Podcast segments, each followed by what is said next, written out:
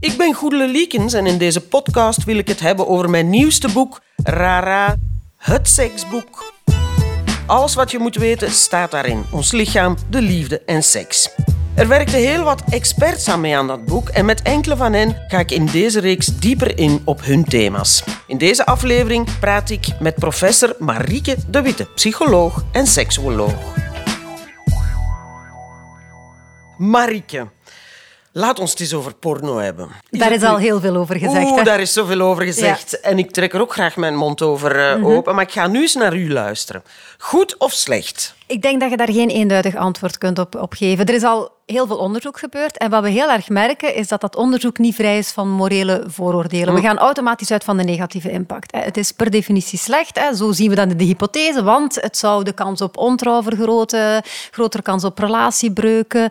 Eh, wat we zien is dat het zou eh, ook aanleiding geven tot meer ja, ideaalbeelden, seksuele onrealistische verwachtingen, wat een aanleiding geeft tot ontevredenheid, wat dan seksuele problemen zou veroorzaken.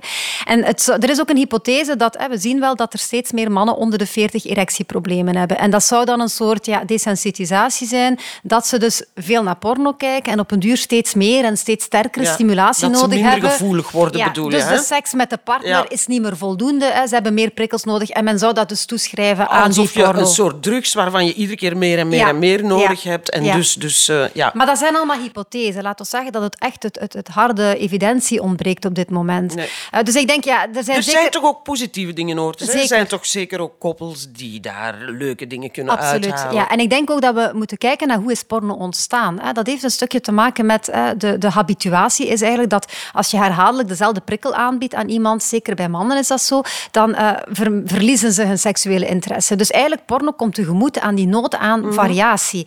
En dus in principe zou je ook kunnen porno als iets positiefs zien. Hè. Dat is dan een manier om, om om te gaan met een verschil in verlangen Ja. bijvoorbeeld, of de partner die onbeschikbaar is.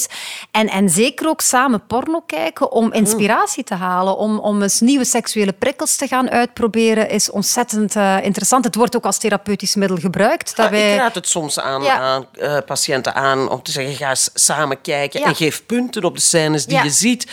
Meer als manier om elkaar te dwingen om erover te praten op een luchtige en afstandelijke manier. Want het gaat over die mensen op het scherm, het gaat niet over jullie. Zeker. En om elkaar te leren kennen. Van. Wat vindt hij nu eigenlijk leuk? En, wat vindt... en ook om jezelf te leren kennen. En dat zien we heel erg. Dat, daarin zien we wel een verschil tussen man en vrouw. Dat mannen porno vooral gaan gebruiken voor, voor masturbatie en opwinding. Terwijl vrouwen het eigenlijk net gaan gebruiken om zichzelf beter te leren kennen. En ook als onderdeel van het verleidingsspel. Dus eh, in die zin kan porno ook heel goed ingezet worden in een relatie. Maar zeker ook bijvoorbeeld bij jongeren. Het is een platform om te experimenteren. Om ja, meer te leren over de fysiologie van het lichaam. Eh, dus daar zijn zeker ook positieve aspecten aan verbonden. Nu, bij jongeren, daar wil ik het net over hebben. Want daar kunnen, eh, als je geen tegengewicht hebt, Ja. kunnen daar geen negatieve verwachtingen bijvoorbeeld uit voortkomen? Het is wel zo dat men eh, ja, stelt, ja, je kan seks verkeerd leren. Hè, want dat zijn natuurlijk sponsen. Hè. Jongeren die pakken van allerlei informatie op. eh, en en, en ja, als je dan natuurlijk naar porno kijkt, gaan ze op een duur de, die beelden als normaal gaan beschouwen. En dat ook in hun seksueel gedrag gaan vertonen. En dan is er soms het risico dat men denkt van ja, dan gaan ze seks en liefde gaan loskoppelen van elkaar. Of is er meer seksueel risicogedrag? Of, of hè, dan gaat er meer eh, seksuele dwang hè, van, van ja, dit moet... eh, of, of bepaalde verwachtingen ook die gecreëerd worden. Dus in die zin moeten we daar Zoals? inderdaad... Heb je daar voorbeelden van? Goh, wat we vaker zien is dat eh, ja, mannen bijvoorbeeld die vaak porno kijken, jongetjes, die, die, die zijn ontgoocheld de eerste keer seks, want die vrouw is helemaal niet zo aan het kreunen zoals, zoals in de, in de Trekt film. niet wildschreeuwend het behang van de muren. exact. Of ze gaan ook handelingen hè, van, eh, van ja, we moeten op de borsten spuiten, we moeten, we moeten op, op het gezicht spuiten, klaarkomen, want dat is wat we zien en dat is de norm. Dus in die zin is het heel belangrijk dat je inderdaad eh, voldoende tegenwicht biedt. En daarin is het heel belangrijk bijvoorbeeld de rol van de ouders en, en de leerkrachten, mensen die dichtst bij jongeren staan, om daarin ja, een, een, een, een meer realistisch beeld te gaan eh, scheppen. Doen ouders dat? Nee, te weinig. En ik denk, we pleiten daar altijd voor van praat met uw kinderen over seks. Maar praat, praat erover van als ze heel jong zijn. ja. En, en de- we zien een piek eh, tussen drie en zes jaar is eigenlijk de, de leeftijd waarin kinderen het meest geïnteresseerd zijn in seksualiteit. Waar ze heel veel vragen stellen over seks. Maar ouders zijn heel huiverachtig om daarop te antwoorden. Hè? Want ja, een kind van vier jaar die plots iets over... eh, hè. Eh, dus dat vinden zij heel moeilijk. Maar een kind die een vraag stelt naar seks, dat is hetzelfde als wat doet een koe in de wei. Hè? Ja. Dat heeft geen seksuele betekenis. Dus in die zin, antwoord... toch belangrijk om Toch belangrijk antwoorden. om te antwoorden, zodanig dat je ook kinderen de gewoonte leert om met hen te praten praten over seks. Want als je nooit over seks gepraat hebt, verwacht niet dat ze op 12-jarige leeftijd plots bij jou vragen gaan stellen over seksualiteit. Ja, en dat ze ook leren dat het iets gewoon is, dat het, dat het uh, niks negatiefs is. Ja, zeker, absoluut. Wordt er genoeg over seksueel plezier gesproken? Nee, nog altijd veel te weinig. Het is, uh, uh, we zien dat ook in de, in de seksuele opvoeding. Hè. dat is nog altijd heel erg op pas op en seksueel overdraagbare aandoeningen en niet zwanger worden en de anatomie en de fysiologie. Maar eigenlijk het aspect van, van echt, ja, het seksueel plezier, het leuke van seksualiteit komt veel te weinig aan bod. Zou dat ook kunnen helpen tegen de sleur, seksuele sleur tussen koppels? Die vraag krijg je zo vaak. Hè? Dat, zou jij ook hebben. Wat, zou, wat, wat raad jij dan aan? Goh, ik denk vooral, uh, het belangrijke is inderdaad een beetje die routine doorbreken. Want wat we weten, koppels die lange tijd samen zijn, die hebben een heel efficiënte manier van seks hebben. Hè. Dus bij wijze van spreken, je kent elkaar heel goed, je weet heel goed op welke knoppen je moet drukken om opwinding en orgasme. En uh, dat is natuurlijk makkelijk, hè, van oh, ik weet als ik het zo doe, dan komt hij klaar, dus dan gaan we dat doen. Maar ja, als je twintig jaar lang datzelfde doet, dat is een beetje saai. En dus af en toe gewoon eens iets nieuws gaan uitproberen. Ik vind het mooi dat je zegt een efficiënte manier. Ja, het is, zo had ik het, is, niet het is heel efficiënt. Het is gewoon op de knoppen duwen. Hè? En dat is, uh, dat is, uh, in die zin is het makkelijk om, om te zeggen van ga eens gewoon eens andere dingen gaan uitproberen. Dingen die je nog niet gedaan hebt. Want het is net het verschil, de nieuwsgierigheid, iets nieuws in de relatie brengen. Maar soms ook niet alleen op seksueel vlak hoor. Ook, of ga je samen een, een nieuwe leuke hobby doen. En, en zo is je partner op een andere manier leren kennen, nieuwe eigenschappen. Want het is vaak net het verschil wat je aantrok in het begin. En dat verschil probeer je eenmaal je in de relatie zit weg te werken. Dat is iets heel eigenaardig, dat we altijd maar eh, proberen eh, veranderen. De ander moet veranderen, maar dan denk ik, laat het verschil bestaan. Want het is net dat stukje wat je aantrok. Dus het is eigenlijk vooral op zoek gaan naar die differentiatie in een relatie. En dan ook heel specifiek je best voor doen. Allee, ik bedoel, echt gaan zoeken, echt zeggen, we gaan eens iets anders doen, want vanzelf gaat dat niet gebeuren. Nee, nee. En ik denk, dat is algemeen ook de boodschap die we rond seksualiteit ook meegeven, van seks vereist planning dat, is effort, dat is intentionaliteit, dat gaat niet vanzelf. seks is niet iets wat spontaan komt opborrelen. Je moet daar moeite voor doen, je moet daar een context voor creëren en je moet zorgen dat er een prikkel is. En het is ook belangrijk als die prikkel er is, van ja, niet de vraag stellen van heb ik nu zin om daar iets mee te doen? Waarschijnlijk niet. Waarschijnlijk heb je op dat moment geen zin. Het is zin maken en, en de vraag stellen van ben ik bereid om mezelf open te stellen? Ben ik gemotiveerd om er iets mee te doen? En om die motivatie te hebben, gaat het om heel erg ook om leuke dingen doen met elkaar tijdens de dag. Ook gewoon die dagelijkse Zoals ik altijd zeg, het voorspel begint eigenlijk na de daad. Absoluut. Want dat is het voorspel voor de volgende exact, keer. Exact, exact. Absoluut, ja. Maar jij bent het dan ook met mij eens dat eigenlijk agendaseks dat dat niet zo slecht nee, is? Zeker Want je hebt een hele planning al. Je kan de hele dag lekker voorbereiden. Ja, ja zeker. En het is echt... Eh, mensen ze hebben zoveel weerstand, net vanuit die, die mythe van de spontane seks.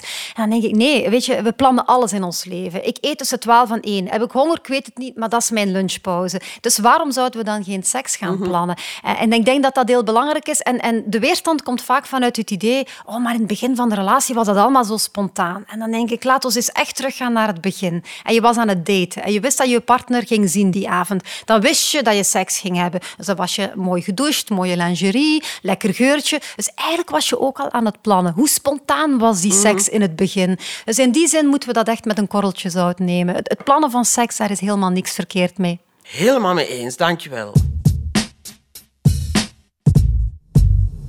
We gaan het over iets heel anders hebben nu. Jij bent heel veel bezig met genitale pijn ook, hè? Ja. Wie, wie zijn vooral jouw patiënten? In... Goh, eigenlijk vooral heel veel jonge meiden. Eh, eh laten we zeggen, tussen 18 en 25 jaar heb je heel veel eh, eh, meiden met, met pijn. En, en we zien dat ook wel, ja, het komt op, op alle leeftijden voor. Maar ook zeker na de menopauze zie je ook weer een piek van vrouwen die pijn hebben tijdens het vrije. En bij die jonge meisjes, hoe omschrijf je die pijn? Het gaat hem vooral om een soort brandende, schurende pijn, een stekende pijn die ze ervaren bij het binnenkomen in de mm vagina, dus wanneer de penetratie plaatsvindt. Maar het is eigenlijk vaak niet alleen tijdens penetratie, het is ook bij strak zittende kledij, tijdens het fietsen, bij het inbrengen van een vinger of een tampon. Dus het is vaak echt het inbrengen van iets in de mhm. vagina die pijn veroorzaakt. Wat we vroeger vaginisme noemden. Ja, vaginisme, dyspareunie. Wel, laten we zeggen, dyspareunie is dat er eigenlijk nog hè, penetratie mogelijk is, maar het doet pijn. Bij vaginisme zijn de bekkenbodemspieren zodanig opgespannen dat er inderdaad geen penetratie meer mogelijk is. Dat het onmogelijk wordt, ja.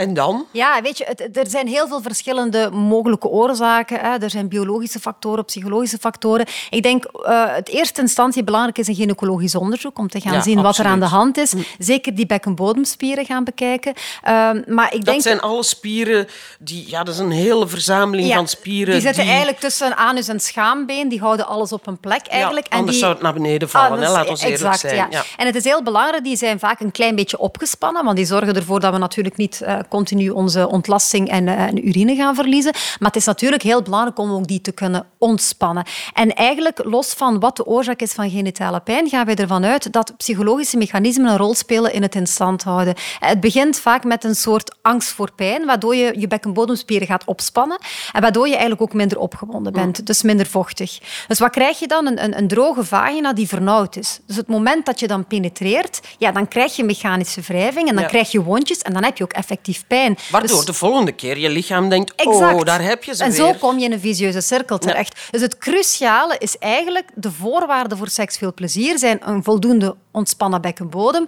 en voldoende opwinding. Want eigenlijk is pijn een signaal van je lichaam dat je niet klaar bent voor penetratie. Dat er nog niet genoeg opwinding is. En hoe kunnen we dat behandelen?